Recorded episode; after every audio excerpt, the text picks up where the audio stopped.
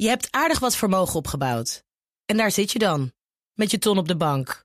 Wel een beetje saai, hè? Wil jij, als belegger, onderdeel zijn van het verleden of van de toekomst? Bridgefund is een slimme fintech die een brug slaat tussen de financiële behoeften van ondernemers en van beleggers. Dus wie belegt bij Bridgefund krijgt niet alleen een mooie vaste rente, maar brengt ook ondernemers in beweging. Echt waar, met die ton kan je zoveel betere dingen doen. Bridgefund. Make money smile.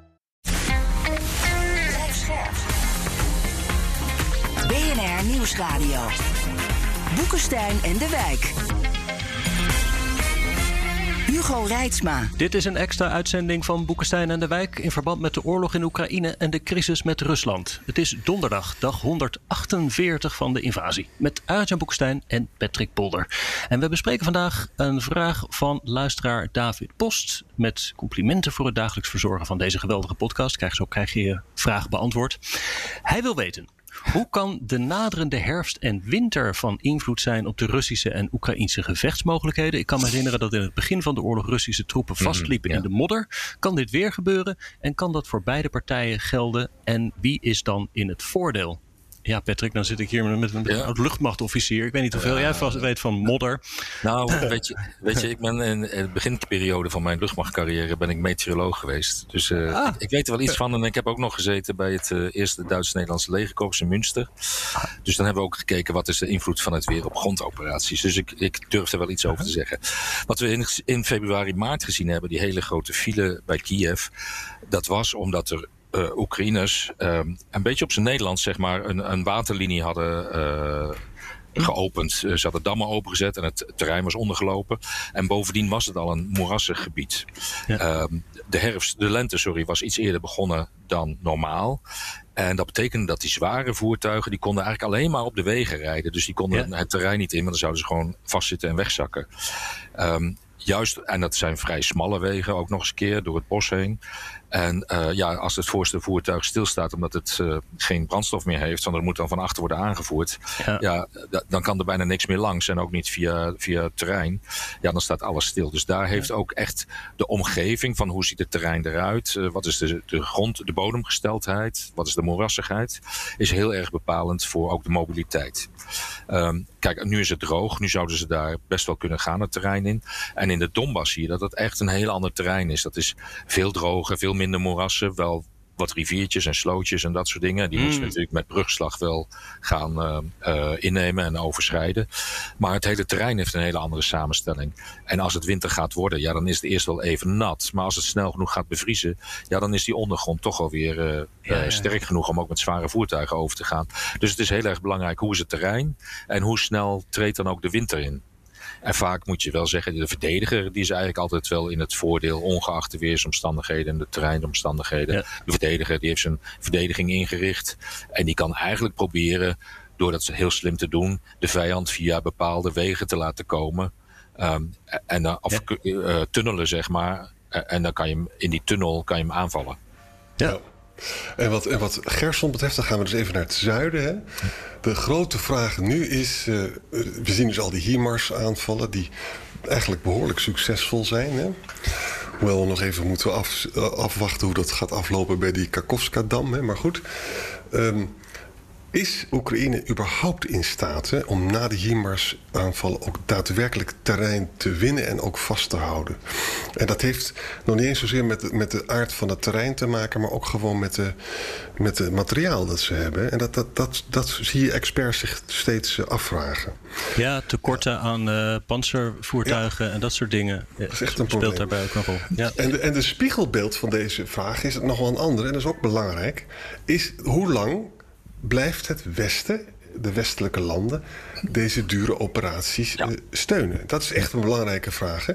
En we zien dus dat bij de meest recente poll dat slechts 22% van de Duitsers wil de steun aan de Oekraïne verminderen om de gasprijs te laten dalen. Dus 70% steunt het. En het is belangrijk om die cijfers in de gaten te houden. En in Italië hebben we dus mevrouw Meloni, die zomaar de verkiezingen kan gaan winnen, de eh, Fratelli d'Italia. Hè. Maar die is wel zo slim om Draghi niet te bekritiseren voor zijn steun aan Oekraïne. Maar dat kan allemaal zomaar veranderen. Want die vrouw is natuurlijk een volstrekte opportunist. En die kan, heeft straks genoeg stemmen om samen met Berlusconi en Salvini een regering te vormen. En dan kan het zomaar ombeslaan. Dus dit is wel een, echt een ontzettend belangrijke vraag. Is het zo dat het Westen dit volhoudt? Huh? Kunnen we snel genoeg ook munitie leveren? Die HIMARS, dat zijn zes raketten, die schiet je in een minuut eruit. En dan moet je gaan herladen. En dan, nou ja, dat zijn wel containers, dus dat herladen gaat wel redelijk makkelijk. Dat is anders dan bij de, de Russen, die hebben allemaal nog ouderwetse logistieke systemen. Maar dat gaat er wel heel hard doorheen. En, en kunnen we het produceren en kunnen we het leveren? En wat willen we zelf nog houden in het Westen? Dat zijn natuurlijk wel de grote vragen die hier altijd gelden. Ja, weten we daar iets eigenlijk over? Want ik, we zijn de hele tijd HIMARS aan het tellen. Dan zijn het er 8, 12, misschien 16. maar hoe zit het met de munitie? Ik, ik, heb geen idee hoeveel munitie er is. Maar ik weet wel dat uh, wat je in een dag verschiet, dat heb je ongeveer een jaar nodig om dat te produceren. Ja. Dat heb ik wel eens gehoord. Dus ja, daar moet je ook heel voorzichtig mee omgaan. We hebben het wel eens behandeld in de podcast. En de ellende is dus dat er gewoon. De, ook de Amerikanen hebben niet zoveel HIMARS-munitie. En dat is dus snel, vrij snel op. En het duurde jaren om het ook allemaal weer te doen. Dus we zien aan alle kanten zien we dus dat er een soort padstellingen ontstaan. Ja, hè? ja het, het, voordeel is wel dat die HIMARS-munitie natuurlijk heel precies is. Je hebt er niet veel van nodig om een doel te raken. Ja. Wat, wat die, die domme artillerie van de Russen, zeg maar. Ja, dat is, die 60.000 per dag gooien ze eruit. Um, en het is een verschrikkelijke aantallen. Ze kunnen dat lang volhouden. Maar je hebt er ook wel zoveel nodig om een bepaald effect te bereiken. Terwijl één goed geplaatste HIMARS, die kan al een heel groot effect hebben. Ja. En ja, we hebben dan dus nu een beetje het op de grond behandeld. Wat het effect van herfst en winter kan zijn. Wat het kan zijn op de steun in Europa.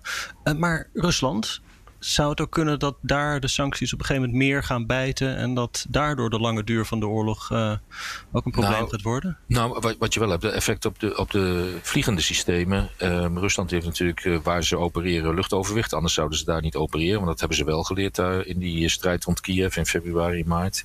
Kijk, als het heel slecht weer gaat worden, dan is het lastig om met je airpower de lucht in te gaan en om grondsteun te verlenen aan je grondtroepen. En dat zou het Russische offensief een beetje kunnen staken. Ja. ja. Uh, dus dat is ook wel een factor die je even mee moet nemen natuurlijk. Ja. En, en, het, en het beroemde klassieke punt waar we het vaak over hebben is van... Uh, ja, Rusland is nog steeds in staat om uh, eenheden aan te voeren. Niet altijd van geweldige kwaliteit, we hebben er eindeloos over gesproken. Maar goed, is dat voldoende hè, om de zaken uh, te behouden? Als dat niet zo is, dan worden ze toch gedwongen om te mobiliseren. En dan, als dat gebeurt, dan komt er een nieuwe dynamiek in de Russische samenleving. Omdat daar hm. mensen bezwaar tegen kunnen maken.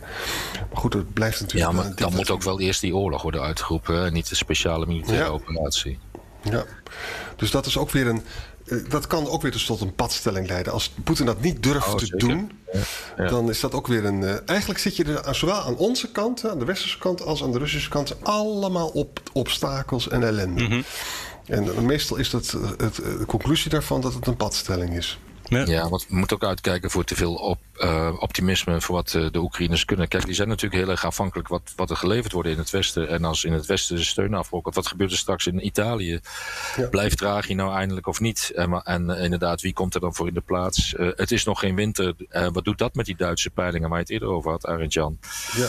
Um, ook in Nederland misschien wel. Hoe solidair zijn we binnen de EU om elkaar gas te leveren dat niemand echt in de kou zit? Nou, dat zijn allemaal belangrijke overwegingen die uiteindelijk ook de steun voor deze Oekraïne ja, wapenleveranties uh, gaan beïnvloeden. Maar laten we eens een scenario maken. Stel je voor dat er de gassolidariteit beperkt zal zijn in, in de komende half jaar. Dus dat Hongarije zegt al dat ze niks willen doen. Maar dat kan ook zomaar zijn dat mm -hmm. Nederland bijvoorbeeld niet zoveel in Duitsland wil leveren. Allemaal dit soort dingen. Stel je voor dat dat gebeurt. Dan komt er een soort uh, onttovering van de EU. Hè?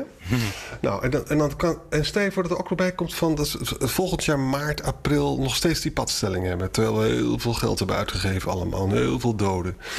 Ja, dan gaan mensen ook zeggen van nou ja, het gaat kennelijk niet militair. En dan moet er dus maar onderhandeld worden. En dan is het animo om nieuwe wapenleveranties te geven, wordt dan gewoon minder. Amerikanen hebben zelf ook gezegd: ja, wij, gaan, wij kijken nu tot het eerste kwartaal uh, 2023. En daarmee in, was al geïmpliceerd van ja, wat we daarna, dan moet het dan eigenlijk ook wel voorbij zijn. Hè? Nou, het kan heel goed zijn dat dat niet voorbij is dan. Hè? Dus het Nee, is, eh, eh, dat scenario denken zullen we zeker moeten doen. Nou ja, niet, niet zozeer wij, maar wel eh, de, de mensen die aan de knoppen zitten natuurlijk. En ik vraag me af, nou bij de Amerikanen zal het wel gebeuren, maar gebeurt het in Europa wel genoeg? En ehm, eh, vertellen de Europese leiders ook wel in hun eigen land wat er allemaal aan de hand is, om hier ook de geesten vast rijp te krijgen voor dit soort ontwikkelingen? Ja. ja. Hey, misschien tot slot eh, nog even, Patrick. Nu ik weet dat ik met een eh, meteoroloog in gesprek ben. Ehm, David Oei. die vraagt naar de herfst en de winter.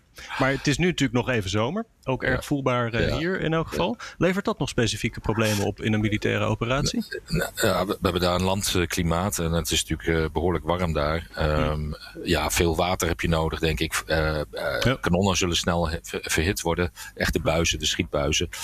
Ehm, maar voor de rest, nee. eh, eh, goede weersomstandigheden, dat betekent eh, dat je je. Je luchtmacht kan je de lucht insturen. Je hebt meestal wel redelijk goed zicht. Nou, de zomer is wel goed om, om oorlog te voeren, zeg maar. Goed Ja. gevechtsweer. Huh. Oké. Nou, dank jullie wel voor vandaag weer. Ja, Ja, graag gedaan. Tot, tot morgen. Tot gauw. Je hebt aardig wat vermogen opgebouwd. En daar zit je dan, met je ton op de bank. Wel een beetje saai, hè? Wil jij, als belegger, onderdeel zijn van het verleden of van de toekomst? Bridgefund is een slimme fintech die een brug slaat tussen de financiële behoeften van ondernemers en van beleggers. Dus wie belegt bij Bridgefund krijgt niet alleen een mooie vaste rente, maar brengt ook ondernemers in beweging. Echt waar, met die ton kan je zoveel betere dingen doen. Bridgefund. Make money smile.